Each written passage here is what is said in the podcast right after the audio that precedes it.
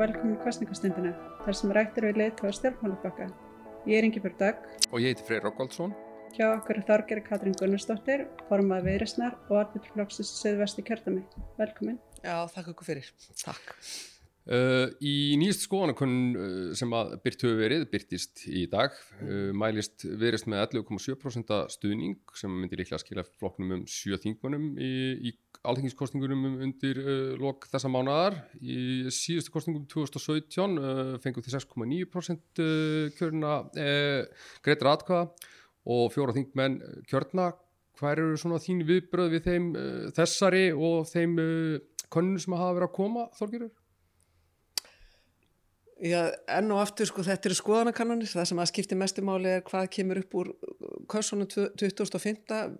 Við erum vissulega mjög þakklátt fyrir það meðbyr sem við erum að finna og við erum búin að finna hlýju, stuðning, hlustun, allt kjörtíðanbili og við erum sá flokku sem að hefur vaksið eh, hlutvarslega hvað mest eh, á kjörtífambilinu og við erum þakklátt fyrir það. En, en það breytir ekki því að, að stóra málið eru kostningarnar 2015 og við stefnum að því að, að reyna að fá það mikið fylgi til þess að vera það afl sem að þarf að okkar mati til þess að breyta hér í íslensku stjórnmálum að við förum frá Þessari, þessari kyrstöðu, ríkisjónaflokkandi kallar þetta stöðuleika, þetta er stöðuleiki hverra, þetta er stöðuleiki þeirra, þetta er stöðuleiki þeirra hagsmuna og bakkjarla.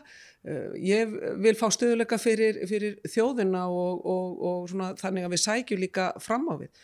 Og þess vegna þarf að fara í þessa breytingar á, á kostningunni sem ég til gríðalega mikilvægur og ég fegin því núna að, að við erum svolítið að hverfa frá COVID umræðinni um, og fara að tala um alveru pólitík, uh, alveru hagsmál fyrir, fyrir þjóðina þannig að já, þetta er svona stóra verkefnið og, og hérna við förum upp og niður, við hefum líka fengið aðeins svona ah, kannanir sem að, maður hefur sagt ah, við þurfum að gera betur en auðvitað gleðst ég yfir Uh, þessum tæpi 12% sem, sem að mun skil okkur í á 7-8 mönnum á, á, á þing. Öruglega 8 mönnum eða það var í jæmt vægi atkvæð. Já, ef við byrjum bara að byrjunni og, og svona þessi persónlega, hvers vegna snýrið þú eftir að þing?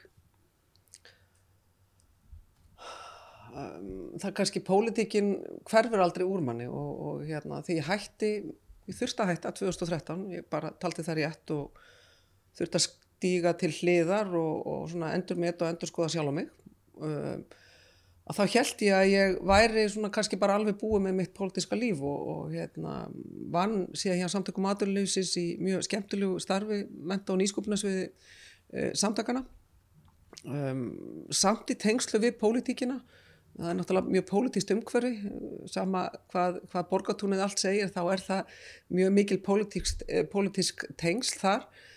Um ég fann bara að ég var ekki alveg tilbúin á endanu til þess að hætta en þá ég vildi samt ekki fara aftur inn án þess að skinja það að, að ég gæti ekki orðið af til þess að breyta. Uh, fara frá uh, eða fara inn í það að vera frjáls. Ég hef oft reynd, uh, líst í þannig að mér finnst ég vera frjálsar í dag heldur ég verið áður í pólitík bæði með reynslu, erfiða reynslu sem maður er að reyna að nýta til eins betra og líka góða, reyna að setja þetta allt saman. En um leið þá ákvæði ef ég færi aftur að þá vild ég fá meira frelsi til þess að tala fyrir þeim máli sem að mér finnst skipta ekki bara mig máli heldur, heldur, heldur þjóðina og það er svona kannski þetta aukna frels og aukna frjálslindi aukin alþjóð uh, samskipti gegnum Evrópussambandi um, sterkari gjaldmiðl um, og núna erum við að sjá þessar áherslu meðal annars líka byrtast okkur í, í gegnum stefnu viðrisna fyrir, fyrir þessar kostningar Þið fannst þú ekki hafa þetta frelsi meðan þú varst í sjálfstæðisfloknum þá? Svona upp að vissu marki, ég stundu líst í þannig að, að hérna, glærþakkið er ekki bara jafnbreytismálum í þeim flokki, heldur glærþakkið er svona yfir alla málaflokkana.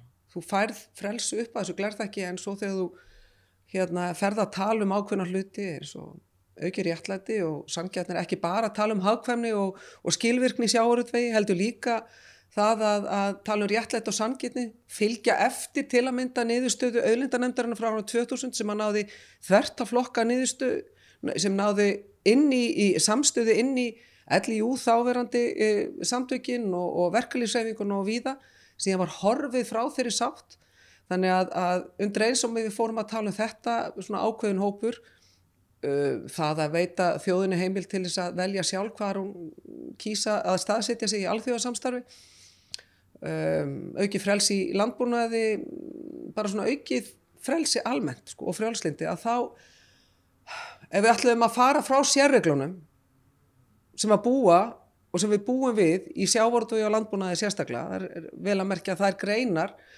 sem er ekki undir EES-samningum sem að sína það að aðhaldaðu utan hefur veitt okkur alveg ótrúlega uh, mikilvæga, uh, mikilvæga þrýsting í þá veru að það eru almenna leikreglu sem gilda á þeim sviðum sem falla undir EES-samningin uh, eins og samkeppni, eins og neytindamál og fleira en, en er svið sem að falla ekki undir samningin hvað gerum við? Það fyrir við í svona heima tilbúna sérreglur fyrir ákveðna hagsmannahópa þannig að að já, ég fann fyrir þessu glerþaki og, og, hérna, og ég skinni að það, það var ekkert mikið að breyta, það er mjög mikið af góðu fólki í sjálfstæðarflokna, ekki spurning, sem var gott að vinna með og, og hérna, og margar af mínu bestu vinkonum uh, hafa verið þar og suma hverjir eru þar áfram, um, en, en ég vildi bara svolítið fá mitt frelsi og vera ekki svona, já, kannski ekki njörfunniður en svona aðeins haldið í mann. Hvernig byrtist þetta? Þetta byrtist bara í, bara sjáuð, stefnan breytist ekki. Veist, það er byrjað að tala um auki frelsi eða einhverju byrjað að tala um, já veitum nú kannski að aðtuga með að tengja krónu við efru og þá syssa á það og menn draga í land. Veist vel minnu greinni sem að, sem að bæði Bjarni og Ylliður skrifið á sínu tíma 2008 eða 2009 Um, en, en hérna við erum að horfa nú til framtíðar og mér skipta meira máli veist, þetta er allt sem að lærdómar, þetta er allt sem að reynsla og þegar maður er í pólitíkinni að því þú veist allan er mikið bæði góð og vond og allt það að þá er þýðingar mikið að taka þessa punkt og hugsa hvernig getur maður nýtt sér þá til þess að, að verða bæði sterkari og, og ná fram þeim breytingu sem við í viðrist viljum sjá. Mm -hmm, mm -hmm náttúrulega ástæðan fyrir því að hættir í styrkmálum sem tíma eða þú fórst þarna hættir sem var að formaða sjálfstæðarsflokksins og fórst þig frí frá þingi mm. svo reyndar komst eftir og varst þessum að tíma. Uh, ég erna... Já, ég er náttúrulega, þú veist, það er krafan eins og að fólk hætti og segja á sér. Já, já, og, þá, og, þá, og þá, þá gerir maður það. Uh, og ég hætti 2013 og ég svona ætlar samt að vona það að við séum þannig samfélag þegar fólk stígu til hliðar og, og fer í bara svona ákveðna sjálfsrýni að, að fólk fái þá sveirum, sveialega til þess að, að, að byrja aftur. Annars er það mjög skrítið samfélag ef, ekki, ef það er ekki þannig. Og ég held að það verði þá til þess að að fólk í pólitík muni það ekki axla ábyrg, það mætti kannski fleiri gera það þá. Já, já, nú verður þessi umræðis mjög óvægin á sínum tíma já, og ég hérna bæði sett til þú herðir í gaggrinni uh, fjölmjöla og bara almennings og svo varstu líka bara fyrir uppnefnum þú varst kallið bara ljótum nefnum eins og kúlulána, beljan og annað þú veist, þú þurftir ekki þetta íhuga það vel um andlega hvort þú verður að snúa aftur inn á þetta svið mm. og, og eitna, hvort að þú er reyðbúin til þess Já, þetta, þú veist gaggrinni var með réttu á mörguleiti maður verður bara að horfast í augu það. Sund var ekki eh, endilega réttlátt en annað var bara eitthvað sem við þurftum að, að, að horfast í augu við og ég held að það sé ekki spurning. Um, þetta á hluta því sem að maður íhugaði þegar ég kom inn aftur, þú veist, er ég að leggja meira álega því á börnin sko sem maður náttúrulega urði fyrir ákveðinu aðkast á sínu tíma? Um, þannig að, að hérna, ennum leið þá hugsaði ég ef ég gerir þetta þá er verið að stjórna mig með óttanum. Mm -hmm. og, og hérna, það er hluta því hvort sem að er ég eða aðrir að fólk í pólitík e, það láti ekki hræða sig frá því sem að sannfæringin er. Og ég bara, ég menn hætti í pólitík undir eins og ég finna ég næ ekki gegn sem að, því sem að mér langar til þess að sjá breytast í íslensku samfélagi. Um leið að ég missi gleðina, ég hef ómælda ánægu af pólitík. Ég, hef, ég finna, ég, var, ég hef kraftin og ég finn líka að það er, það er, það er hægt að breyta og það er það sem að mér finnst svo sorglegt þegar við horfum upp á pólitíkin í dag og við sjáum upp á, horfum upp á einstakar stjórnmálamann sem ég ber mjög mikla virðingu og ómælda virðingu fyrir eins og Katrín Jakobsdóttir. Þegar hún notar ekki sitt sína pólitísku innegn betur og sterkar heldur hún gerir núna. Og meiri segja að þú veist í lofslagsmálum þá við að horfa upp á meðalmennsku. Fyrir hvað þú veist það er verið að reyna að selja okkur einhvern stöðuleika ég spyr enn og aftur stöðuleik, stöðuleika hverra? Þannig að, að meðan og ert í pólitík nýttu þá það sem að þú hefur nýttu krafti, nýttu, þú veist, þú verður að hafa þolkjaði þú veist, við fáum öll uppnefni við fáum öll harða gaggrínu og óvegna. Já, við gerum það líka, en svo koma þessi móment þegar, þegar þú veist, þú hittir mömmu bass sem að hefur eh, þurft að leita sér salfræðarstóðar og hún þakkar fyrir mál sem að við erum fleiri, allir flokkar og þingi samþugtu um, um að auka aðgengi úns fólks að, að salfræðþjónustu og þá segir bara, já þarna þetta, þetta eru andatökin og Þetta er það sem að gera þessi verið að taka þátt í já, þessu. nákvæmlega. en þú uh, saðir á þann að, að gaggrinni sem að þú fjast hafa hluta til verið réttmætt þannig að þú hefur þá væntalega gert einhver mistöki þín í framgöngu á árunum þarna Já, ég er búin að fara, markfara yfir þetta freyr í, í viðtölum og gera það náttúrulega sjálfsögðu áfram. Uh, og ég held að það bara hafi verið ákveðin bara meðvirkni almennt í, í, í stjórnkerfun og það er það sem að ég hef, hef sagt áður og, og hérna og farið yfir. Og, og er að reyna að nýta mér einmitt núna þegar maður hugsa uh, um alls konar hluti sem að eru núna að gerast Þú veist, uh, þú veist, ég er mjög óhrætt við það að til að gaggrina uh, sjáurútving það er mjög valda mikið löp það er, þú veist, maður finnur alveg að það er ákveðin þungi sem er það, líka sem að tengist uh, millileganum í, í landbúnaðakerfinu um, þess vegna já, ég, þú veist ég sagði nú einhver tíman í einhverju, einhverju yfirlætiskasti að einhver maður þurfti að fara í, í endumöndun og ég held að ég hef þurfti að og að sagt það með sjálf á mig, ég þurfti bara svolítið á henni sjálfa að halda. Þetta er svona orð sem hafa lifað. Já, já, reyndar bendli við annar mann en það er önnur saga, það er einhver annar maður sem reynda að fáta sig, það var, það var hérna annar maður sem, að, sem að var einhverju matsfyrirtæki. Mm -hmm. Þannig að allt þetta er bara lærdómur á leiðinni? Fyrir. Já, ég held það og það er það sem að, þú veist, lífið er ekki dans á rósu fólki verður á fólki verður á mistök. Uh, það er lægi svo lengi sem þú reynir að læra því og horfast í augu við það og ekki hvít þó sjálfa þig. Um, var sumt uh, erfitt og óvæðið já. Mér fannst það erfitt þegar fólk var fyrir utan heimili mitt og uh, setti fjölskyldu mína í, í, í ákveðu uppnám ekki síst dóttu mína sem er varnalus, fólk held að það væri eitthvað eitthvað skjól sem við vorum að nota, hún er bara, þannig hún þarf undirbúning fyrir allt sem er óvænt. Mér fannst það erfitt, ég held að það sé það sem að sittur mest mér. Allt hitt er ég að reyna að, að taka þannig að, að hérna, ég geti bent á það sem er núna og sagt, heyrðu, ekki fara þangað, elsku vinir, kæru vinir í ríkistjórn, ekki, ekki slá bara skjaldborg eða varstöðu utanum uh, óbreytt fyrirkomulag í, í sjávarútvið Eh, tökum fram og fúst, tökum skref í það að, að gera þetta sangjarnar þannig að þjóðin bara fá ekki upp í kók á þessu annars ágæta kerfi sem við höfum byggt upp í, í kringum sjávaróti mm -hmm.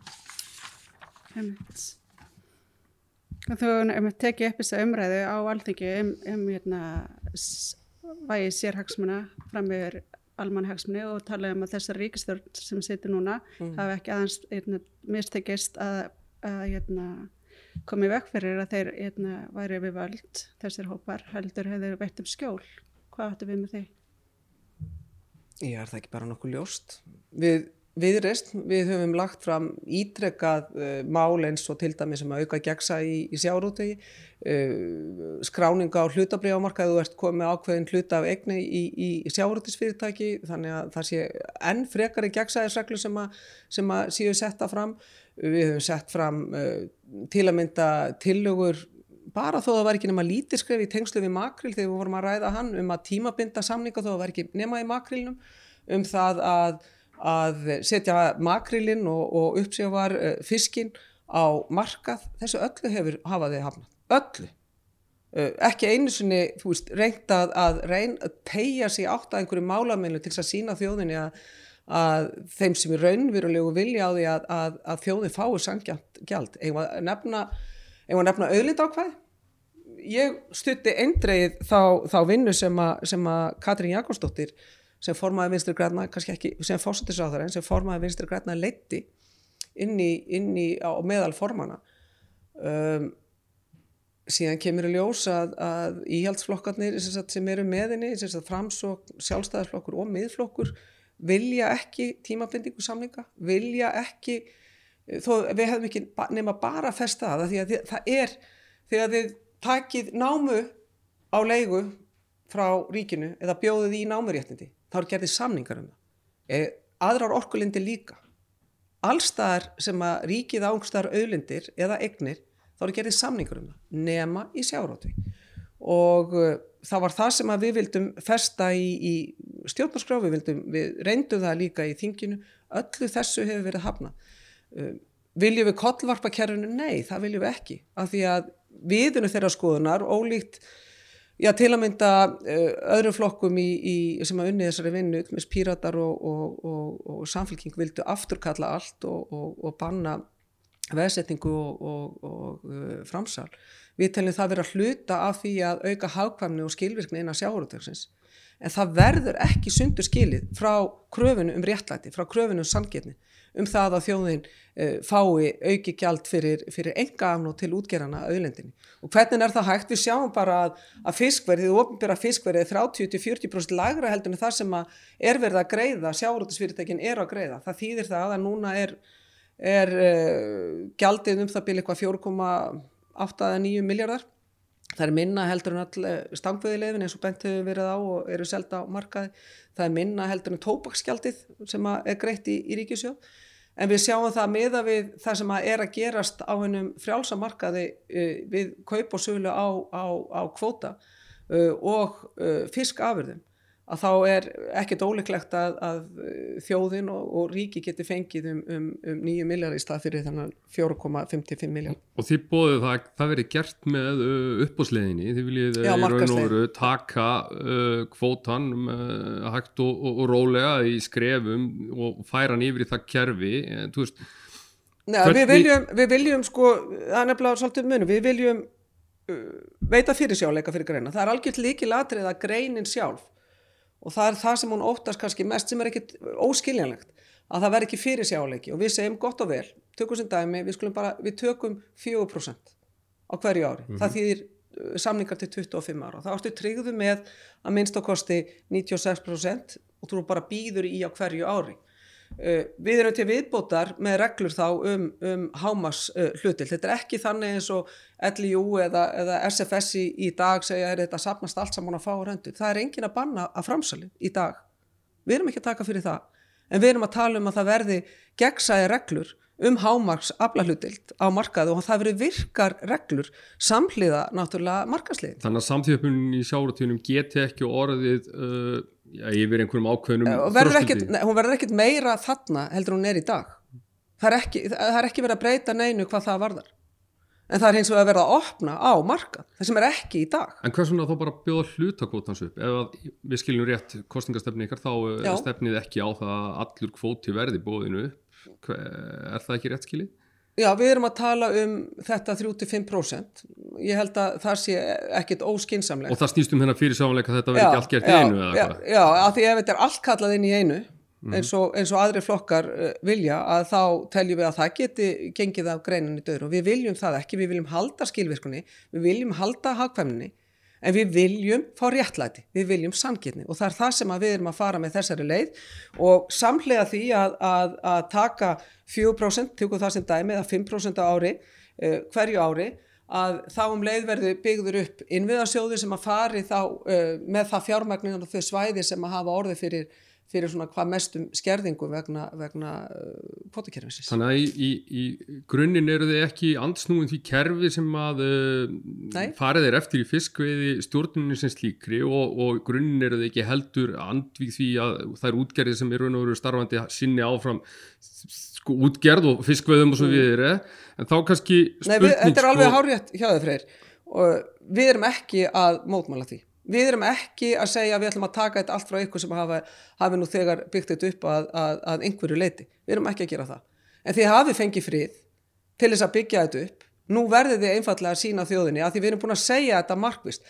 Alveg frá árunni 1991 þegar var samþygt í fyrstugrein fiskvöðustjóðanarlegana að fiskurinn í sjónum er sameg þjóðarinnar. Það skulle þið gera svo vel að viðkynna það í verki. En gaggrinni sem hefur komið fram á kerfi sem slíkt, uh, fyrir af því að við, við spurum þig á þann um bara svona fortíðina það er uh, nokkuð síðan að þú lísti því sem svo að fólk sem að, að fólk væri al á tóksturinn á milli útgerðarinnar og almennings og það fólk stjórnaðist mögulega öfundar geni í garð mm. uh, þeirra sem hafa náð einhverjum árangri í, í, í útgerð stendur við þessu orð til dæmis? Já, ég mitt skrifaði að því að þú lesið þetta, það hefur örgulega lesið þá greina sem ég skrifaði. Getur, og ég sagði mitt, það getur vel verið að þetta hefur ekki verið heppilegt orð, það sem að við viljum og er ekki heppilegt og ég, ég dróð það í, í, í land.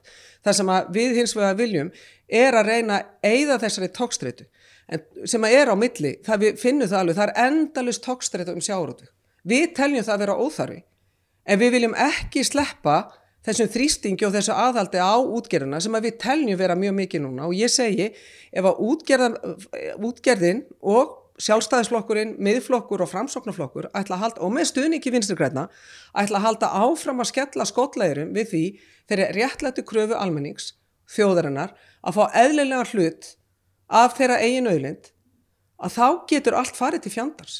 Og meðal annars þetta öfluga fiskvöðustjóðanakerfi sem, sem að við höfum byggt upp og ég, það, er, það, það eru mikil verðmætti fólkin í þessu kerfi. Þetta er í grunnum gott kerfi en við þurfum að fá það í gegn að þjóðin fáin sér réttmættar hlut og ekki síður sjóminn. Sjóminn eru með rangt skráði fiskverði. Þeir eru líka hlundfarnir.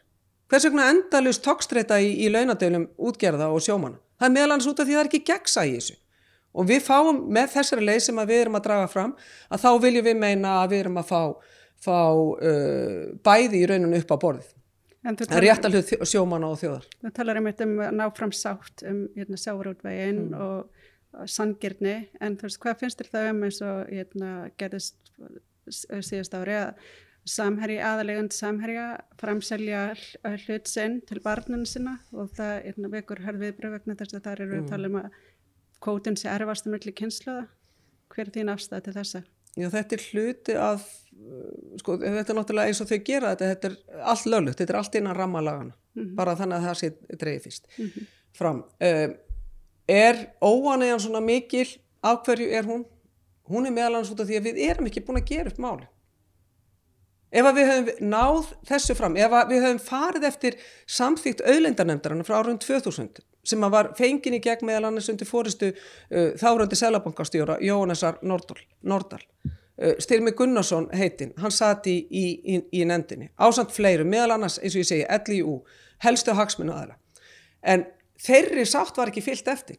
Í rauninni var bara dróðu menna sér höndum, heldur menna sér höndum, uh, þessir hagsmunnaðilar bara í rauninni frá svona 2003-2004. Og þess vegna segi ég, þetta væri menn kannski ekki að gaggrinn í dag.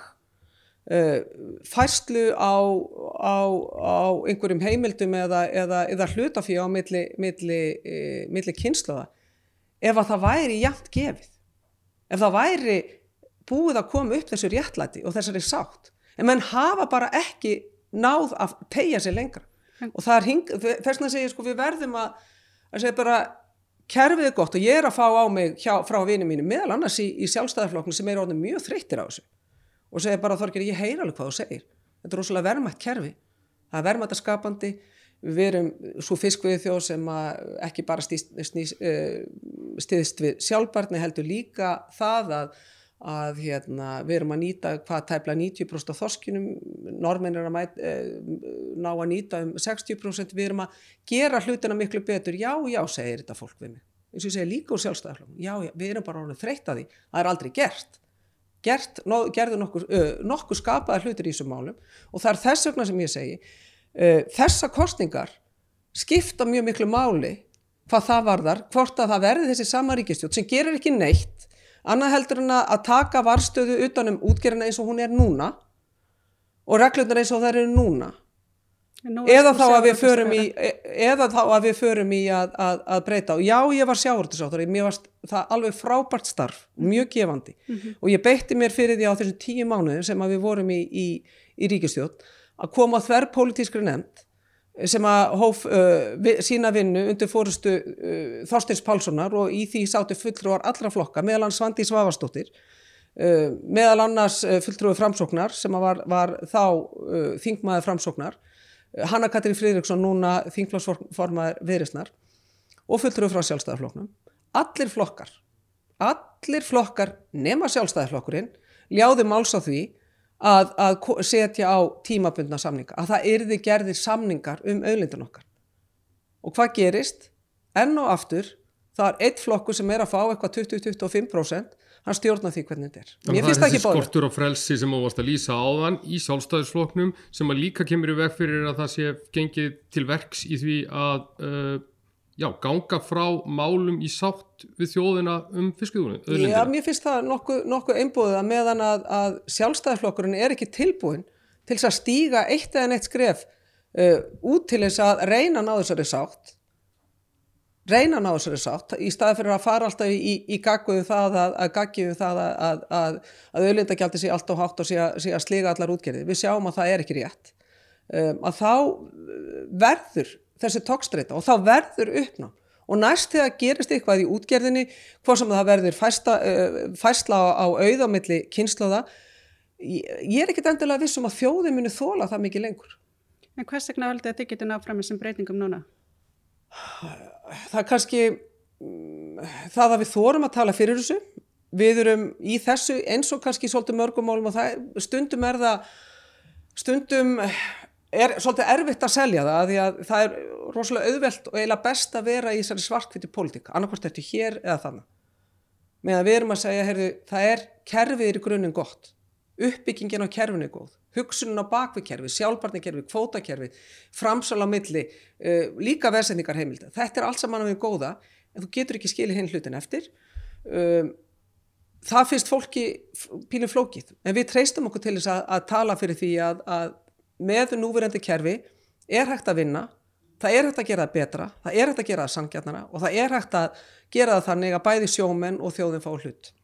Er þetta grundvallaratriði fyrir ykkur þetta upp á, upp á stjórnar þáttöku til dæmis? Já, þetta mun vega mjög þungt uh, inn, í, inn í okkar viðræður ef og þegar við komist í stjórnarmynduna viðræður og þetta, uh, það verður mjög erfitt að, að kvika frá þess, þessari afstöðu okkar um að við verðum að sjá uh, uh, sterk og stór skref tekinni í þessa, þessa veru. Þú er búin að gaggrína mm, sjálfstæðisflokkin fyrir skort á frelsu og framsýni og, og svo viðri. Þú ert búin að, að gaggrína þessa sitjandi stjórn hérna í þessu samtali okkar mm. fyrir það að hún sé kyrstöðu stjórn og sé ekki tilbúin þess að ráðast í breytingar og svo viðri. Værið þú eða öllu heldur þinn flokkur og undir þinni fórustu þá útilokkar þá það að starfa með þessum flokkum, verða fjörði aðili í ríkstjórn uh, þessa flokka? Ég hef sagt að ég fæ ofta þessa spurningu annars vegar bara útilokkað að fara inn í þessa ríkistjórn eða bara einhverja flokka. Ég hef sagt að ítrekkað, ég útilokka ekki samstarf við neitt. Ég hins vegar mun beita mig fyrir því hvað sem að eru vinstir græn eða sjálfstæðsflokkur eða aðri flokka sem er á jæðrunum að það veri meiri e, þungi inn á hérna frjálslindu miði Þessi ríkistjórn starfar á jöðrunum. Þunginni hefur aldrei verið allt þetta kjörtíðanbíl á miðjunni, á henni frjálslindu miðju og sami hvaða stjórnastarf, samstarf við færum, þá myndum við fara inn í það að reyna að draga þessa jæðra, þessar öfgar, þessa ása meira inn á miðjuna. Þannig að þú útilokkar það ekki en tökum til dæmis dæmi af sósélistafloknum mm. að því við vorum að ræða hér sjáratismál rétt á þann mm. sem að bóðar það að brjóta eigi upp stórútgerunda nefnir samherja sérstaklega sem dæmi bæði eins og þeir kallaða langsum þannig að það er verið skipt upp í fleiri fyrirtæki og þversum þannig að það verið skila á milli veiða og vinslu og sölu. Mm. þetta er eitthvað grundvallaratriði hjá sósélistafloknum sérðu fyrir þeir að, að þið getið þá bara unni saman? Nei, ég, eh, sko aðeins út á veiðum á vinslu, bara þannig að það sé dreifir fram, við sjáum til með snorri, þeir aðskilja veiður á vinslu, þar er sjáurðu er ekki jafn hagkvæmur og arbær eins og, eins og hér. Og þar er nýting á afurðum uh, mun minni heldur en hér, þannig að, að ég myndi ekki vilja farið það algjör að aðskilja veiður á vinslu hins vegar þurfum við að fá meiri fisk á markað hér og þá er ég ekki meina bara á uppbásmarkað við þurfum að fá meiri fisk uh, bæða markað hér þannig að fiskvinslu fyrirtæki geti bóðið sem er ekki með kvóta uh, og ekki með útgerð geti, geti haft greiðir aðgang að, að fiski á markaði. Um, það líkur alveg ljóst fyrir. Við Gunnarsmárum erum, erum búin að hittast nokkru sinnum í, í, í, í samtali eða kappræði með hvern, hvað sem við viljum ræða segja og það er alveg ljóst að, að við erum flokkar sem erum öndverið meði það er Ég held að með fullri vinningu að þá eru svona miðflokkurinn og sósélistaflokkurinn svona hvað fjärst okkur á hennu pólitíska litrófi. Veist, mér finnst vinstrið það er, það er það er að verða meira til vinstri. Og svo bara getið þið gískað það hvaða flokkar það eru sem eru til vinstri. Mér finnst ég að vera, sósélista flokkurinn er að draga flokkurinn til vinstri meira til vinstri. Getur verið að þau séu bara svona eitthvað smeg við þann kraft sem að fylgir Gunnari smára og, og svona afdráttarlegsri orðræðu en, en, en ég er algjörlega á móti uh, þeirri nálgun sem þau eru að bóða í, í sjárótskerfi bara þess vegna segja ég það er rosalega, þetta er rosalega gaman að koma svo í við ætlum bara að sundra þessu hræðilega liði sem er í útgerð og bara taka allt frá þeim og, og allt það, við erum ekki þar við viljum, var, við viljum varve, varveita þessa dýnamik sem er í Íslensku sjárótvi en þessi dýnamík verður ekki íslensku sjárótuði ef að útgerðafyrirtækin og sérstaklega stórútgerðafyrirtækin far ekki aðeins að, að átta sig á hvernig, hvernig umhverfið er fólkið hefur ekki mikla þólumæði viðbútt gagvart því sem að þeir eru ósangirni sem að nú er. En ef að Gunnar Smári og, og sósélista flokkur Íslands er að draga vinsti til vinstri mm. þrengir það þá ekki í raun og veru að ykkar valkostum eftir kostningar? Þið eruð ekki vinstriflokkur Nei, nei, það er alveg rétt hjá þér. Við erum ekki vinstriflokkur, við erum frjálslind miðja að mínum að við erum og það er kannski hluta því að af hverju ég fór aftur í pólitík að sjarmin við viðrist var að það var verið að, að bóða ábyrga fjármálapólitík, efnaðarspólitík ríkis fjármálapólitík en um leið var sem að maður saknaði svolítið í, í, í þeim gamla flokki sem ég var í að hugsa um velferðina, hugsa um þá sem að bæði minna meiga sín er líka að tala um félagsmál, tala um þessi mál sem að, sem að, sem að skipta svo stóran hóp í samfélaginu máli, að hugsa, við höfum oft talað um hægri hagstöld vinstri velferð og við vorum að reyna eh, samþækta það, en það er verið að vara við vinstri stjórn, já það er alveg hægt að meða við um, þá flokka senu sem við erum að horfa upp á núna má alveg takundi þá gaggrinni, en ég vil líka þá haldum leið uppi þeirri gaggrinni að við, ég vil vara sérstaklega við íhalds hægri stjórn. Það er eitthvað sem er jafnvont og úldra vinstri stjórn. Þannig að, eh, kæri vinni, þú veist, þungin á hérna frjálslindu miði, það er þanga sem, að, sem að við erum að beina okkar kröftum að. Já, árið 2016 það myndaði viðreist ríkistjórn mm. með sjálfstæðsfloknum og bjartur framtíð þar sem að ykkar helstu mál voru gefin eftir þar segja aðeldra umsóknu Evropasambandinu og markasverð fyrir fiskveið eðlindina. Mm. Eh, hversu líklegt er að hérna, viðrest fara aftur inn í ríkistjórn að gefa sín líkil? Ég held að við lærum einmitt svolítið af þeim ríkistjórnaviðraðum en við verum líka átt okkur á því að þetta var eftir mm, mjög mikið þóf og er, þetta var mjög erfið stjórnamyndun og minna hún var bara með einu uh, einsmanns meirulita. Það er alltaf erfitt. Uh, ég held einmitt að við lærum að því að, að hérna, það kann að vera þessi eftirgjöf sem að fólki fannst vera til misvarandi Evrópumálin í því stjórnarsamstarfi hafi verið einfallega of mikil. En ég segi líka veist, ef að svo ríkistjórn hefði haldið áfram þá hefði Evrópumálin verið á dasgrá síðastás tíminni það fljótur að líða. Þá hefði þingið þurft að taka afstöðu til álíktunar um að halda vera þeim áfram í kakvart Evrópusambandinu þannig að, að við höfum allavega settu á darskrá og það er það sem að mér finnst mikilvægt og mér finnst stundum reyndar á þessi kjörtíanbili við vera sá flokku sem að hefum tala hvað mest um, um uh, alþjóðsamstarfið og, og taka markvisari, markvisari skrefi þá veru. Mm -hmm. Og hversu mikilvægt er Evropasambandið fyrir viðrist myndið setja fyrir, fyrir ykkur varandi stjórnmyndun? Já, það sem við erum að setja og við gerum okkur alveg grein fyrir því að, að þetta er stórt og mikið mál, það tekur tíma. Við erum að leggja áherslu á núna, einfallega ódýrar í Ísland, einfallega það að við getum gert ríkisjóð sem fyrst sjálfbæran, það er verið að skilja uh, ríkisjóðu núna, samkvæmt fjármála áherslu með meirinn 50 miljardar halla, Við erum að benda leiðir til þess að, að gera matarkörfuna ódýrari, til þess að gera húsnæðislánin, uh, þannig að þau slíði ekki fólk og við höfum miklar áhyggjur núna af þeir vaksta hækkunni sem eru strax farnar á stað hvaða áhrif það menu hafa á, á fólki sem að, unga fólki sérstaklega sem að bara kaupa sér núna íbúðir í, á þessum tímum uh, núna bara á síðasta ári og sístu tveimur árum. Þannig að við erum að einblýna það uh, og það gerum við með því að, að uh, gera gagverka samlinga við Európusambandum, það að tengja krónuna við efru, reyna að leita í smiðju dana. Það sem að skiptur okkur mestu máli er gengistöðuleikin og fyrirsjáleikin. Ég var í fyrirtæki í, í dag sem að gerði þjónustusamning við fyrirtæki fyrir árið síðan í, í Evrum, það var mjög fýtt samningu, nú er gengi búið að styrkjast það mikið að, að launakostnaðurinn er sko, er að sliga fyrirtæki og eru að missa uh, þennan samning frá sér. Þannig að það sem að við erum að tala um stóra máli fyrir okkur er að tryggja fyrirsjáleika og gengistöðuleika fyrir fyrirtækin, ekki síst litlu fyrirtækin, því stóri fyrirtækin er náttúrulega stórútgerðin og fleiri löngu búin að yfirgefa krónunar, lætur almenning og, og litlu fyrirtækin setja uppi með hana og, og, og við viljum tryggja það að, að nýskupunar uh, tækifærin verður raunverulega nýtt að því við erum að missa af fyrirtækjum í nýskupun að því við erum ekki með hennan fyrirsjáleika. Þannig ertu fann að tala um efnarstefnuna mm. og sem sé uh, Európa-samvinnuna sem kannski stærsta bitan í uh, efnarstefnu ykkar, því leggjum mikla áherslu á hann í kaplanum sem að, að það sem fjallaður um hann í, í ykkar stefnusgrá en sko það tekur tíma bæða að semja fara í tvíhliðarsamninga við Európsambandu um að tengja gengi krónu við Euróu og í talningum minni, uh, minni tíma heldur hann að taka upp Euróu sko. þess vegna leggjum við áherslu á þetta. En er, finnst þér þá ósangjart að draga þá álöktun að í efnaðarstefninu hjá ykkur sé svona ég ætla ekki að segja skila auðu en það þurfi það sé þetta veltaði fyrir sig hvort að það sé fáar handfastar aðra aðgerið kynnta til sögunar heldur en nákvæmlega þetta? Að því þetta tekur tíma við vitum það Þetta tekur minni tíma heldur en að, að við förum í, í, í mikla skattahækkanir eða niðurskurðu og það er afleiðingar sem eru af miklu niðurskurðum til að mynda í velferðarmálum og, og fara í skattahækkunarferli eða fara í það að flækja skattkerfið núna akkurat á þessum, þessum tímapunkti.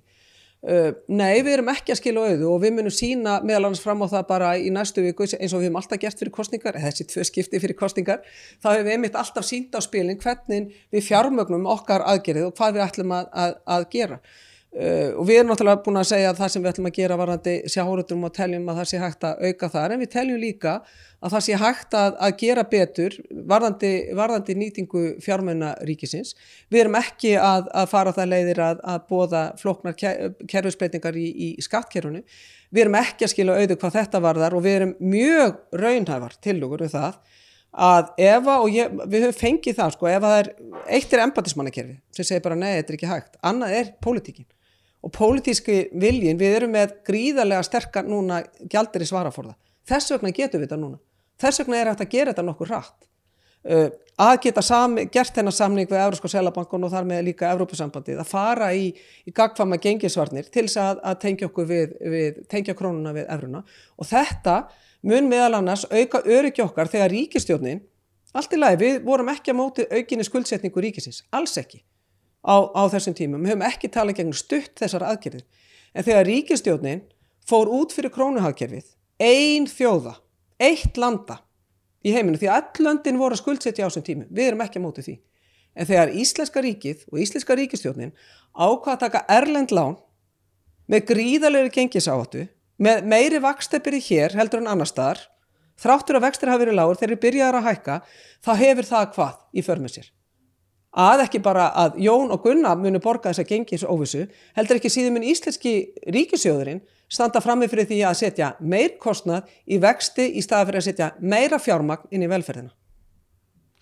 Ég held að verðum að, að, að klára uh, Európa-sambarsumræðana á einu þó og það er það að þið viljið klára viðræðunar við sambandið og leggja mm. síðan samningi dóm þjóðarinnar.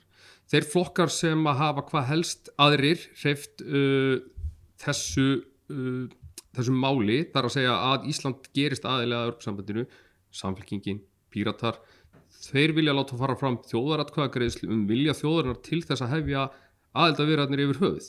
Er ekkert undarlegt við það að þið færi fram með þessa stefnu um, og það verið þá hafnar uh, að nýju aðeldavirðar yfir örgsambandið mögulega í óþökk þjóðarinnar? Freyr, nú bara fyrirgeðu og ég ætla ekki að vera tónlega mér finnst þú ekki að hafa unni heimavinnuna þína.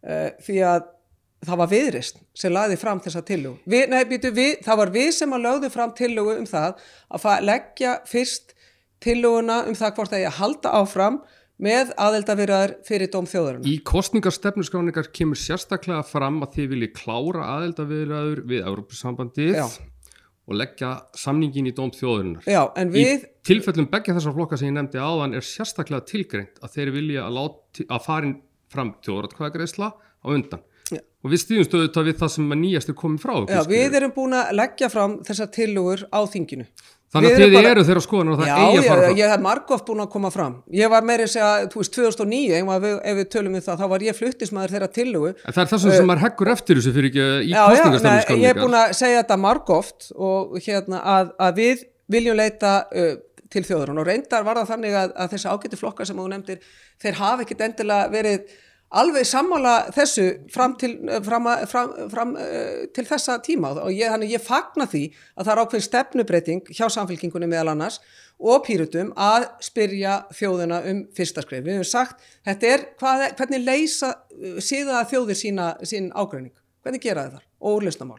Þau gera það með kostningum og þau gera það með samningum. Og hvað eru við að bóða? Við erum að bóða, viðrisnir að bóða það að spyrja þjóðina um það hvort við hefum að halda áfram.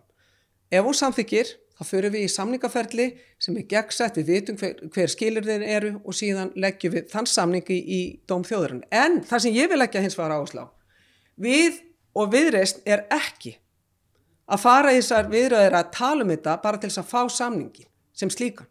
Við erum að gera þetta til þess að bæta lífskjörin. Við erum að gera þetta til þess að styðja efnaðarslega stöðuleika, til þess að styðja félagslega stöðuleika, til þess að vera þáttakandi í alþjóðasamfélaginu, meðal annars þegar að vera ekki ein þjóð, lítil þjóð í faraldri eins og COVID heldur vera í samstarfi annara þjóða. Vera ekki lítil þjóð í atlegu stór fyrirtækjana. Við erum í vend í samstarfi með öðru þjóðu þegar við erum að, að, að í, sagt, í þessu aðingakvart Google og Facebook og, og Apple og hvað þeir heita öll þessi risa fyrirtæki sem, a, sem að geta ítt okkur mjög auðvitað út af, út af, út af borðinu. En bara svo það sé þá haft á hreinu að, að það er engin stefnubreiting þó að þetta sé hafi vakið aðtigli þetta orðalag í kostingastöfnunum ykkar. Nei, nei, það er engin, það er engin stefnubreiting það er engin, þetta er það Ég las svona bara svona vel en þið bara hefur ykkur yfir svona að tiltakka þetta ekki sérstaklega Já, já, þetta er, þetta er alveg skýr, skýr stefna, ég sagði þetta bæði í ræðinu, við erum búin að ítreka þetta, þannig er þetta. Það er skoðin flokksins að það eigi að, að, að klára klára viðræðinar mm. en við viljum hafa þessa aðferðafræði og við höfum ekki kvika frá henni frá, frá upphau og ég er mjög ána með, með það aðferðafræði en þetta sko, hvað er stóra máli núna? Stóra máli núna er það að bæta lífskjörn þjóðarinnar að tryggja það að ríkisjóður og það verður stærsta verkefni næstu ríkisjóðnar að takast á við mjög mikinn halla á ríkisjóð og það verður við að gera með því að, að, að fyrirtækin getur hlaupir hraða. Ef við ætlum að vera áfram svona, svona uh, ráefna þjóð þar sem við ætlum bara að vinna að, þú veist, búa til ráefni, senda úr landi og láta aðra þjóðir fá ávinningi því að vinna uh, úr ráefnum, hvort sem það er í gegnum álverið eða fiskin eða það, þá er það kannski bara fæn að vera með, með krónuna, en við viljum meira, við viljum hugvitið inn, við viljum nýsköpunum inn. Og það gerum við ekki nema með því að vera með stöðu og gjaldmiðl og þess vegna erum við að segja fyrir fólkið, heimilin og fyrirtækin en ekki síst þennan kræmandi kraft sem að finnst í nýsköpunafyrirtækjunum að við verðum að veita það stuðning með sterku gengi, er stöðuleika og, og fyrirsjáleika og tengja krónuna við efri. Við verðum að fara að leita annara leiða heldur en það að, að uh, í rauninni Sigmar, Guðmunds hefur orðað þetta ágætlega og, og, og daði að, að sko að krónan er svona besta tæki fyrir stjórnmálamenn til þess að standa ekki við, við lofurðin. Að því að menn bara segja, herðu já, hún bara fór upp og hún fór niður og við þurfum ekki að standa við eitt eða neitt. Við viljum fyrir sjá líka fyrir alla, líka ríkisjó. En nú hafa við verið að tala um að þeir draga úr ríkisumsveim, að við talum bara um efnaðasmálinn og auka engarkstur. Um, á hvað siðum myndið vilja draga úr og hvað viljið auka engarkstur?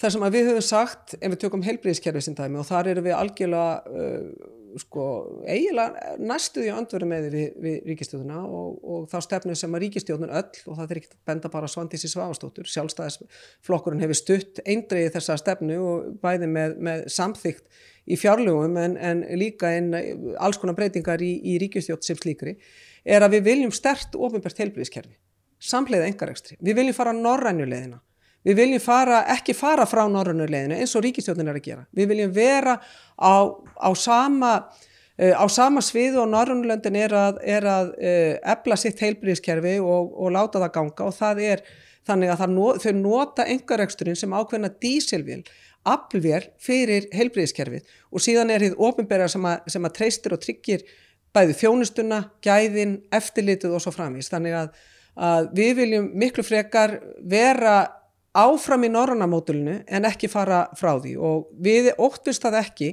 að segja við viljum ekki tala um enga væðingu eða ríkisvæðingu, við viljum þjónustu væðingu og ef að það þýðir að, að til dæmis að leghálskimanir uh, verði á, á landsbítalunum þá gerum við það Við megum ekki missa núna þekkingun úr landi eins og Svandís ákvað og ríkistjónin.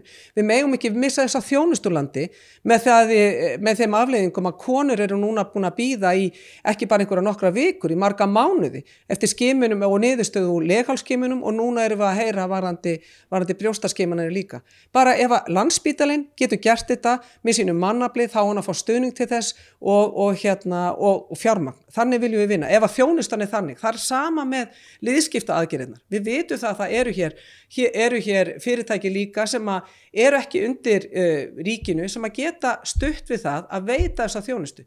En hvað þarf þá að gera? Og ég skil ótta fólks varðandi það að, að tala um uh, mikil engaregstur í helbriðskerðinu. Og þess vegna þurfum við að ebla sjúkratryggingar, algjört líkilatriði til þess að gera samninga við Uh, ofinbera heilbreyðistofnunir, ríkisregnar heilbreyðistofnunir sem engaregnar, heilbreyðs þjónustu starfsfólk og velferðarstofnunir til þess að við vitum hvað ríkið er að kaupa, hvers konar þjónustu og það verði eftirlit með því. Þetta er algjört líkil atri í þeirri mynd sem við erum að tala um, öfluga sjúkratryggingar, eftirlit, skilgræning, samningar og svo viljum við þetta samspil ofinberskerfis og engaregstra og þannig bætu við þjónustu fólksins.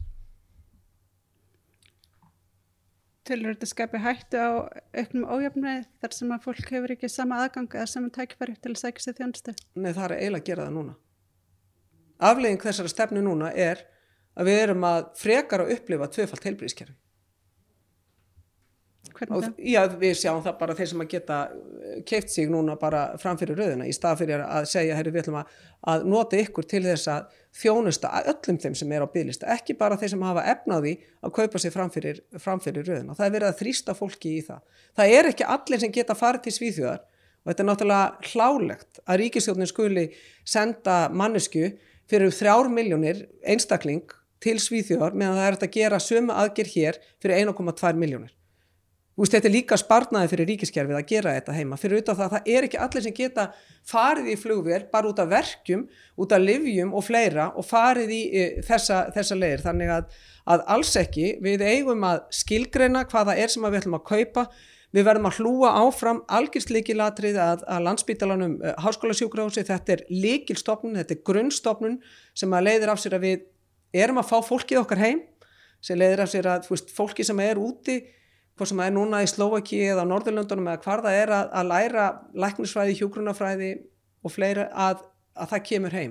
En hvað erum við líka að upplifa? Við erum að upplifa bygglista hjá talmennafræðingum, bygglistan er ekki síst út á landi eftir talmennafræðinga þjónustu, uh, sjúkraþjálfurum, við erum að upplifa hjá sálfræðingum, við erum að upplifa hjá sérfræðilegnum og svo erum við náttúrulega að upplifa það að, að uh, ríkistjórnin vil ekki einu sinni fylgja eftir frumvarpi sem er orðið á lögum sem hún samþykti líka af því að henni finnst skipta máli hvaðan gott kemur.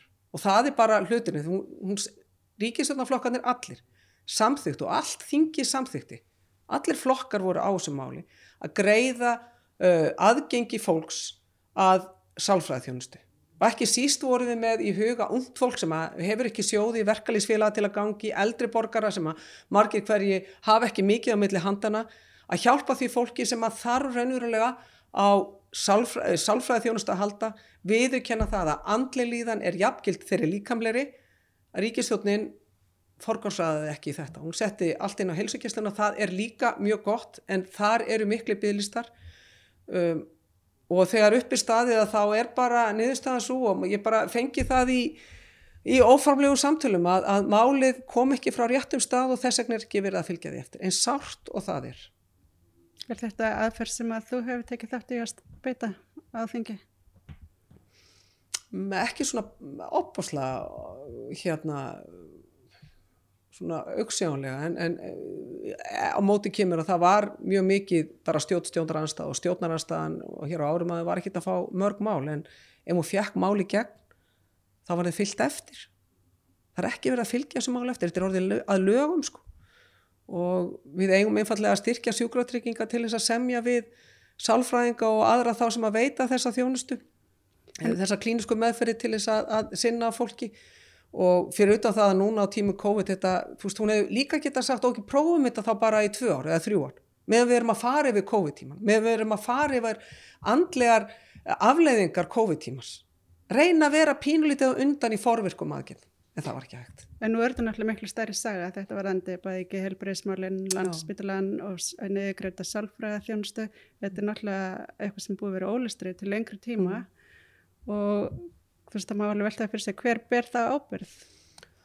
Já, já, þetta er alveg rétt með spurning og, og ég heyri það að, að til að mynda sjálfstæðisflokknum fyrst rosalega erfitt að, að allt í hennu hans sé líka látið bera ábyrð á þessum ólistri í helbreyðismálum. Mm -hmm. En sjálfstæðisflokkun er í myndafærin 8 ár meir og minna búin að vera með fjármálurhandið. Hefur hann í málefnarsamningu við, við ríkistjótt beitt sér í ríkistjótnum sem hann hefur setið í, beitt sér fyrir því að, að breyta strukturnum í helbreyðiskerfuna eins og hann er að tala um meiri Uh, þú veist, einhverjum öðrum áherslum, neða, kemur hverki fram.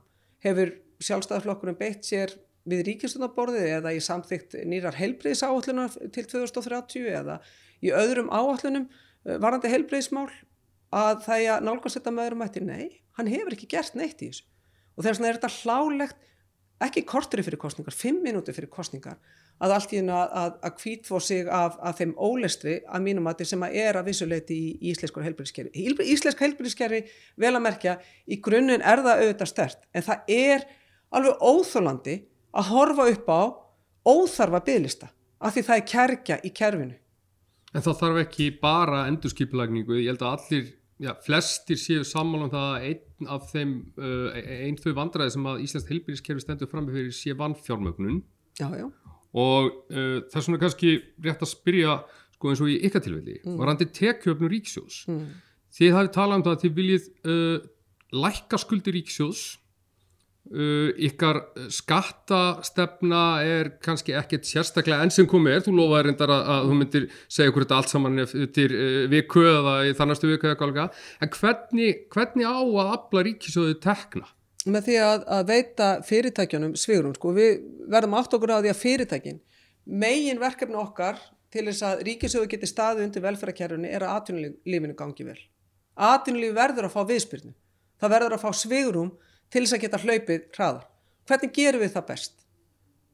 Það gerum við best með því að, að vera með, hér, meðal annars gengistöðuleika. Það er algjört líkil atriði að, að fyrirtæki komi hingað, erlend fyrirtæki getur komið hingað og fjárfest, að fjárfestar hér heima geti farið í það að fjárfesta meira í íslensku atvinnlífi eh, með það í huga að vera ekki með, í, með mikinn ófyrirsjáleika og óróa á, á, á markaði. Við þurfum einfallega og við getum það Við getum látið atvinnulífi hlaupa hraðar þannig að hagvöxtu verið meiri heldur en vextinnir. Ég hef eins að mjög miklar áhyggjur af því að af því að fyrir COVID þá var ríkisjóður orðin ósjápar.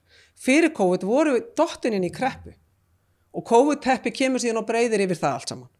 Við vorum komin í meiri útgjöld miða við þær tekið sem við vorum að afla. Þannig að þetta verkefni er risavaksið. Ég er ekki farin að sjá það að skattahækkanir leysi það en ég sé það heldur ekki að, að neyðurskurður ríkisfjálmónu gera það heldur þurfum við að fara í það að endurskipleikja og skilgrena betur þá þjónustu og þar kröfu sem við gerum.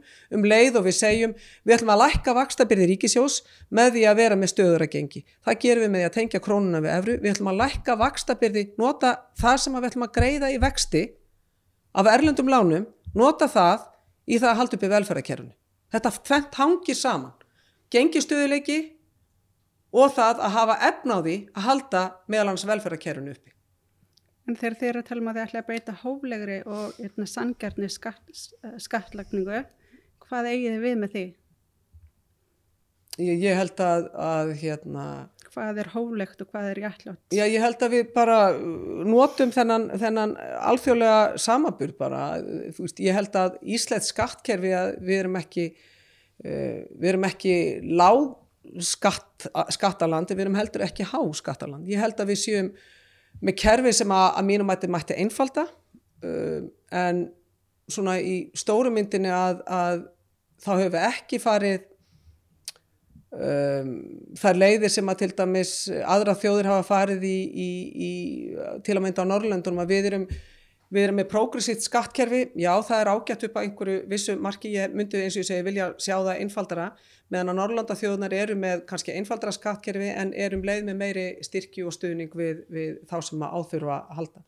Uh, við viljum forgásaða og við meðlans vera að tala um skerðingar og, og ég held að það sé hluti af því sem við þurfum að horfast í augum við, að við þurfum að, að einfalda og gera skerðingarna þannig að sé, þetta sé uh, eðlilegt og þetta sé sangjarnara, að það sé ekki verið að refsa fólki Eh, eldri borgurum, örurkjum fyrir að vinna. Við verðum að gera kerfi þannig að það hveti til þess að fólk geti eh, veitt sér ákveðna sjálfsöp en það þýðir heldur ekki að segja til dæmis við öryrkja, þið getur bara farið að vinna meira, það er fyrstulega ekki allir öryrkja sem geta gert það.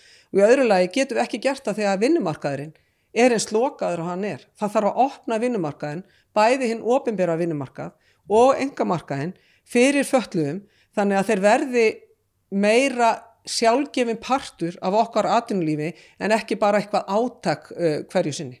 Þannig að þú ert svona heldur á því að einfaldra skattkerfi væri til bóta, eins og segir, en hvað þá með til dæmis skatt á fjármakstekjur? sem er flött prósentutala núna og skiptir þá engum máli hvað upphæðir fólk er já, sko, að fást þar. Hérna... Serðu fyrir þér þrepaskiptingu? Já, sko, ég, ég get séð fyrir mér ymsa breytingar á skattkerfni. Það sem ég vil ekki gera og, og er að að við tökum ekki heilst þetta málnu að segja bara hvað afstöður tíka hvort fjármastíkjuskatti hann hækkaði núna. Vorum við að móti því? Nei, við vorum ekki að móti því við stuttuð ekki. En við vorum ekki að móti því heldur.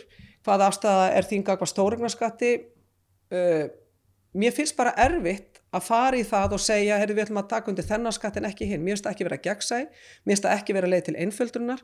Og ef það er eitthvað sem við þurfum á núna það er að einfalda kerfið gera það einfaldara þannig að það verður auðveldara fyrir fólk og fyrirtæki að starfa í landinu. En er eitthvað flókið að starfa í þrepaskiptu kerfi, skattkerfi? Nei, þú, nei, nei er ekki, ég er ekki að segja það, en ég vil ekki taka þátt í þessari umræðu að flækja skattkerfið en frekar með ýmsum tillugum sem geta verið með, setta fram með góðum hug ef að það er til þess að flækja skattkerfi og ég man ekki eftir einhverju skattstofni sem er lagður á sem hefur á endanum uh, bitnað á neinum öðrum heldur um meðal, meðal, uh, meðal tekju fólki. En finnst það ástæði til að hérna, skatleika fermakstekjur herra?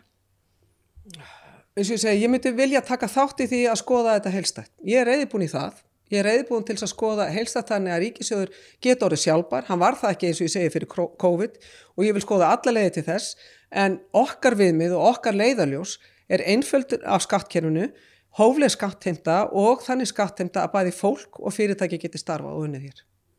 Mm -hmm. Svo var ég hérna mjög hörgagrinni sem þið fengu frá fyrirum ráþæra viðræsnar, Þorstin Víglundssoni, vegna, vegna breytinga á stefnu í lífeyrismálum þar sem hann, eh, veist, hann telur ykkar tillögur um að hækka grunn líferi og hætta skerðingum mm. á hérna vegna annar tekna séu sem sagt bæði kostnæðsamar og ómarkvissar þar sem er muni gagnast hérna, velstæðum eldriborgarum sem þurfa enga aðstof mm. og kosta sko 100 miljardar á ári og hann spyr hérna bara hvernig má vera flokkur sem gaggrindi harlega aðra flokka fyrir fjórum ár síðan mm um, hefur nú tekist líka stefnu upp sína arma og segir að trúveril flokksins liggi þar undir og hvernig vil þú bregðast við þessu?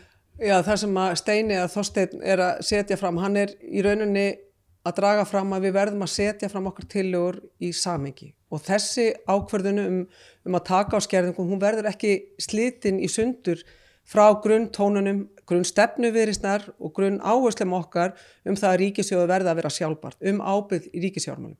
Eh, en hins vegar er þetta að mínum að þetta alveg skýrt ákallum það að við þurfum að sinna betur og fara betur yfir þar skerðingar sem að eru að mörguleiti margar hverja mjög óréttlátar í íslensku samfélagi. Eh, er þetta lofórð upp á eða stefna upp á einhver, einhverja óabyrði í ríkisjálfun? Nei, þetta er ekki Þetta er ekki það að því við erum með alveg skýr uh, markmiðu það að við þurfum að ná ábyrðu, ábyrgum og, og sjálfbærum ríkissjóði. Við höfum sett fram meðal annars þegar uh, hér í kostningunum 2016 og 2017, ég nefndi þann, stefnu það hægri hagstjón vinstri velferð. Uh, það er ekki bara annað sem við erum að velja sko. Það er ekki bara hægri hagstjónin, heldur líka vinstri velferðin og öfugt. Og við verðum að vera, þetta er sérstaða viðrisnar að geta og leift sér að hugsa um, um báða þætt og hvernig var það þegar við vorum í ríkisjóninni forðundaga þessa tíu mánuði? Það var svolítið lýsandi það hvaða ráðnötu við fengum fyrir flokkin við vorum með fjármálarándið ábyrði ríkisfjármálum, við vorum eitt atvinnuvegarándi að við teljum að samfélagur okkar verði og þurfa öllu og atvinnulífi á að halda og við vorum með velferðarándið Við vorum í félagsmálarándi sem Þorstein uh, syndi af, af mikill í koskefni og dró meðal hans fram og, og náði að knýja í gegn uh, jafnleina þerti á flokka og í gegnum, gegnum þingi. Þannig að það er svolítið lýsandi fyrir það hvernig okkar nálgun er.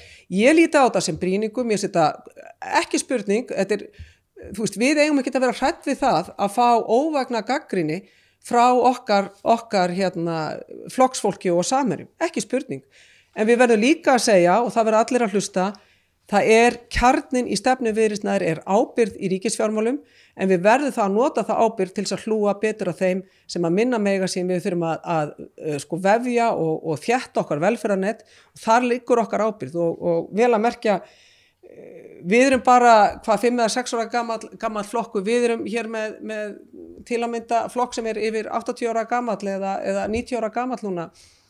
Til dæmis sjálfstæðiflokkurinn sem í 60 ár hefur ekki sóst einu eftir félagsmálarrand ekki sóst eftir því það segir mjög mikið um, um þar áherslu að vísugerði formaður flokksinstöða í sjónvarsvittali já það var, ja, það var, já, það var ein, eins og það var einhver ólund yfir því að það veri, væri verið að setja ábyrðin á hann. Það var ekki út af hugssjónum út af, út af velferð fólksins eða að gera betur í því málaflokki heldur miklu frekar að það var verið að benda á það ábyrð sem að fælst í því að vera fjármálur á þaðra hverju sinni. Og menn er ekki ábyrðarlausir af gjörðum þeirra sem eru í öðrum ráðnötu, hvort sem að eru önnu fagráðnötu eða, eða annað. Akkur fórst þú ekki eftir sjálfstæðisflokkin? Af því einfallega ég fann ekki fjölingar og mér líði vel það sem ég er. Og af hverju á ég þá ekki bara að fara þar sem að ég er nokkuð vissum það að mér líður betur heldur en ég, uh, mér leiði áður. Er ég að þá að segja að þessi tími hafi verið Uh, ekki góður í sjálfstoflunni, ég er ekki að segja það. Já, margar mjög dýrmæta stundir mikla reynslu. En mér líður mjög vel það sem ég er og ég hef trúaði að, að hérna, ef og þegar viðrist kemst til valda að þá getum við einmitt tekið á þessum sem við höfum verið að tala um ábyrði ríkisfjármálum, sjárútismálum svona réttlætismálum, betra heilbreyðiskerfi líka tekið bara utanum fólki okkur að þú veist og þá er maður auðvitað líka persónulegu þegar maður er að standa frammi fyrir ákveðnum áskorunum eh, til dæmis í tengslu við börnum hans hvernig framtíð þeirra er byggð upp hvaða atvinnutæki farið að hafa hvort sem að þeir eru uh, geta staðalug sjálfstætt eða þurfa á aðstóð okkar og samfélagsins að halda. Hver eru tæki farið batna uh, með ímsar hamlanir í atvinnu og mentamálum við þurfum að gera betur þar og það er það sem að knýr mann áfram á endanum. Af hverju vil ég ábyrði ríkisfjálfum að því ég vil að við höfum efna á að þjónusta þessum hópi? Mm -hmm. af hverju vil ég að, að sjáurútunum borgi sitt í samfélagsins það er út af réttlæti, það er út af því að þjóðin á auðlindin í sjónum en líka til þess að við getum staðið undir ákveðni samfélagi sem þjóð, sem þjóð í heild ekki bara fyrir einhverja, einhverja sérreglu fyrir, fyrir tiltekna hópa En nú varst þú lengi starfandi í Sálstæðsfloknum sem mm. þú ert hérna gaggrina fyrir sér hagsmuna gegnslu Mm -hmm. og þegar það hættir að þingi fórst að starfa fyrir samtöku aðrunlífsins og hérna, það hefur komið fram í fjölmjölum og þú hafið sóst eftir framkvæmda stjórn samtaka fyrirtækja í sjáurúri hvernig samræmist þetta þínum áherslum á almanahag núna? Að hvað? Að ég hafi bara þessi ferill sem þú átt um, Já, ég held einmitt að ef þú talar um reynslu sko mm -hmm. um að þá held ég að það skiptir mjög miklu máli að nýta reynsluna, nýta þekkinguna og ég held að það sé mitt mjög dýrmætt og ég er mjög þakklátt því að hafa verið starfandi í húsi atvinnulífsins. Það er alveg dundur hús, um, já, fullt af, fullt af hlutur sem að mættu betur fara. Ég, ég hefði vilja sjá til að mynda um, húsið er búið að hverfa frá áhersluna á til að mynda samtöku einaðarins Uh, og það er ekki út af einhverju, það bara eru hagsmunnaðalar innan samtaka innari sem eru búin að þrýsta það að það er ekki lengur talað um gengistöðuleika, það er ekki lengur talað um mikilvægi þess að hafa hér, hér, hér stöðuleika líkt og bara Jónas Harald skerði á sínu tíma sem uh, sá öflugu hagfræðingur ég sagði ítrekkað að við erum það lítið myndkerfi að það borgar sér ekki okkur sem þjóða að vera með svona lítinn gjaldmiðl, það mun á endanum alltaf leiða til þess að við erum að missa tækifærum og vera dýrara fyrir samfélagi ég sakna þessa, þessa metnaði sem að var á sínu tíma hjá, hjá samtökum uh, atvinnulífsins og yðnarins og fleiri í, í húsina því að það er, það er uh, þrýstingur þar inn og það er, það er öfla tógast á þar innan hús en um, það var góðu tími. Hann reynist mér og nýtist mér sem stjórnmálamannskja nýtist mér til þess að vega og meta kost og galla, ég hef insýninni á hvernig þætti uh, sem að kannski já, sem að nýtast mér í ákveðni svona baráttu fyrir því sem að, að, að viðrisn er að setja á ottin og það er þessi gengis stöðuleiki fyrir sjáleiki fyrir fólki, fyrir heimilin. Ódýrar er matarkarfa, ódýrar er húsnæði. Heilbríðisjónasta í, í fremstur auð þar sem við nýtum krafta alla. Verum ekki í Ísari bábilju, heldur viljum þetta opna, sterka heilbríðiskerfi, samhliða engarekstri réttlatari sjáardur og síðast en ekki síst það sem að skiptir öllum máli og, og hérna, mér finnst mikið lánægja að það eru í rauninni þrýr flokkar sem að eru að skara fram og þau kemur á lofslagsmálum. Við erum með alveru stefnu sem frjálslindur flokkur, þú segir uh, hagra megin við miðju, uh, sem er með áherslur í lofslagsmáli sem er markertakandi á. Það eru vinstri grænir, píratar og, og, og við og við höfum krafta til að fylgja þeim áherslum okkar eftir og ætlum að, að gera það og þetta er eitthvað sem að sem að meðal annars að þú ert að tala um reynsluna innan úr samtökum aðvunlýsins nýtist mér og ég ætla mér að nýta. Mm -hmm. Þegar kemur þessi lofslagsmálum þessum að þeir eru með mjög ítalega útvarðar einna stefnu ætli þeir þá að sitja það sem skilur þið fyrir stjórnumyndinu að vera Já, þau muni vega mjög þungt. Mm -hmm. það, er, það er ekki spurning að, að hérna, skilabóðin og það var kannski hluta því sem að mér fannst taland um landstingið okkar í, í viðreist núna um uh, síðustu helgi eða þar síðustu helgi það var að sjá hvernig í rauninu unga fólki tók svolítið yfir, það var búið að leggja drög af bara fínum álöktunum og allt það en, en það var bara ekki nóg og ung, ungt fólk kom og, og var að brína okkur og það leiti til þess að við, við höfum yttað okkar stefnu ekki bara á landstinginu heldur alveg fram á landstinginu að, að, að segja hvaða er sem við viljum. Og við áttum okkur á að það þarf að taka stórskref strax og ég held að það sé ekkit eitthvað sem að uh, þú veist, við hefum frekar að fá hinaflokkana með okkur sem að fengu fallengunna eða, eða svona miðlumsengun og segja bara komiði með okkur og þess vegna hlíti ég að, að hlítur þetta líka að vera ákall til, til vinstri græna því að hvað er við búin að upplefa hjá þessari ríkustjóð það þurft að segja mér að tvísva að lofslagsmálin hefði endað einhverju meðalmennsku undir fórustu og fórsæti vinstri græna bara með fullri virðingu fyrir því góða fólki sem að bæði sérnir umhverfisræðandinu og er í fórsæti mm -hmm. að þá hafa þau guðmyndur uh, umhverfisræðara bara saði það að sjálfstæðiflokkunum bara stóðsaldi í vegi fyrir því að hann, hann hann gæti sint lofstafsmálanum af, af meiri einurð heldur hann, heldur hann að vildi En ef að þú kemst til valda og hérna, verður í aðstöðu til að gera breyningar, hvað er svona þitt allra brínasta, hvað er það sem þú myndi vilja fyrst og fremst leggja áherslu á? Koma ríkjasjóði á réttankjöl viðspyrni í atvinnulífinu þannig að við aukum svigrum og öryggi fólks, meðal annars fjárháslegt öryggi fólks. Ég vil sjá fleiri fyrirtæki verða veruleika og ég vil sjá það verða betra að búa á Íslandi þannig að við upp, horfum upp á samkeppnishæfara lífskjör. Ég, fúst, það er svona stóra þungar áherslan. Eða þú ætlar að segja eitthvað eitt mál, bara strax hvistbúm bang að þá segi bara það sem ég sagt bara strax að lögfesta samling saman í þjóðuna um réttindi fallast fólks það, er, það tekur ekki langan tíma og, og við erum að keira í gegn en, en það er eitt ríkisendaflokkur sem hefur staði gegn því og við, það er eitthvað sem að, hérna, við getum gert bara eins fljótt og, og hratt og kerfið á ætti ekki að vera að þvælast fyrir. En, en, en þungin í okkar áherslum er á, á ábyrg fjármál, efnaðarstjórnununa og sko að hérna afturkalla ímsa reglugeri sem að Svandís er búin að vera sem að hamla meðal annars starfsöryggi hún er aðeins byrjuð með, með, með sjúkraþjálfuna en það þarf að gerast líka með, með talmennafræðingana og það þarf að gerast víða, uh, víðar í kerfinu. Að, að einfalda regluverki sem allra fyrst og, og hérna, gera það þægilegra fyrir fólk að ná sér í þjónustu, uh, ná sér í mentun, þekkingu og bara unnið og starfað á íslensku markið að þess að verðu auðvöldra að stopna fyrirtæki. Þetta er allt sama stóru verkefnin, einfaldara kerfi auðvildara líf fyrir fólk og þá um leið fyrirtæki.